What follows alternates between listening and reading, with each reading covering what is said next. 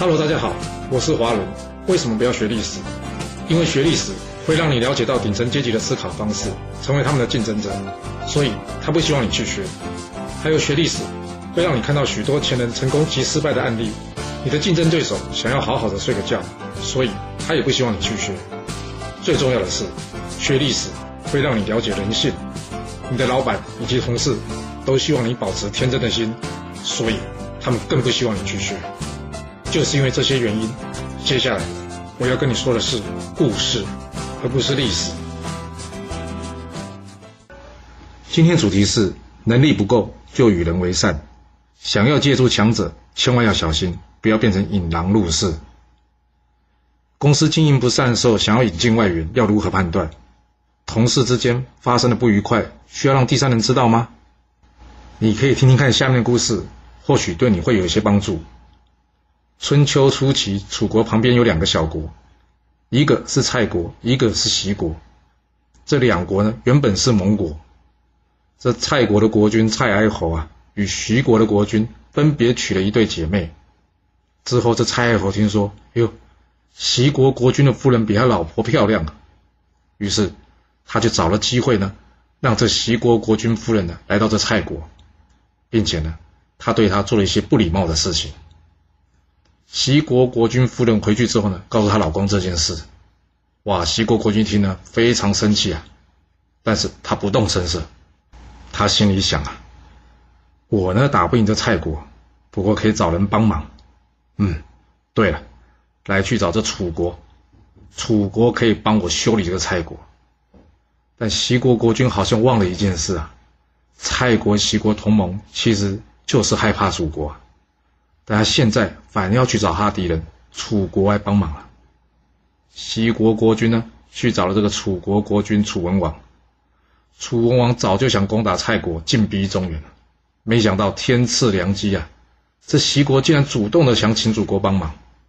在这两国计划之下呢，楚国呢先是假装出兵攻打这西国，西国呢赶紧向这蔡国求援。蔡哀侯哪里知道这是诈，所以呢。他出兵去救援这齐国，没想到呢，齐国呢却紧闭大门，让这蔡国呢在外呢一人独自孤军奋战对抗着楚国。最后蔡国战败，这蔡哀侯呢被楚文王给抓了起来。楚文王原先是想杀了这蔡哀侯了，但是国际上讲是什么？是利益啊！在大臣们的劝阻下呢，叫这楚文王千万别杀了蔡哀侯。不然将来要进逼中原就麻烦了，所以最后呢，这楚文王同意了，只要这蔡侯愿意表示投降，他就放他回去了。蔡侯当然要投降了，不然不就死在楚国了吗？但回去之前呢，蔡侯一心里想：可恶的齐国国君呢，我一定要找机会扳回一城啊！哎，机会来了，刚好呢，这楚文王呢帮他送行，就在这酒席之间呢。楚文王请了一些女生来跳舞助兴啊。这时候，蔡侯对楚文王说：“哎呦，这些女生都好漂亮啊！不过呢，没有齐国国君的夫人漂亮啊。”楚文王一听，哦，齐国国君的夫人有多漂亮啊？蔡侯说：“哦，你不知道啊，她呢，长得就像天仙下凡一样啊！要是能看到她一眼呢，死都值得了。”哇，这楚文王被他说的心里痒痒的。于是呢，他借故去这个齐国，并且要求这齐国国君呢叫他老婆出来。为什么？要感谢楚国这次帮齐国解决掉蔡国嘛。由于齐国比蔡国更小啊，对于大国楚国的要求哪敢不同意啊？所以只好照做了。这楚文王一看到这齐国国君夫人，一看哇，长得真的是很漂亮哎，所以怎么样？后来就出兵灭了齐国。把他老婆给抢走了，你看看这两个小国啊，那合作都不见得能打赢楚国，没想到却自己分裂，结果呢，搞得一个兵败投降，一个被灭国，只是为了一时的乐趣或是一时之气，这样值得吗？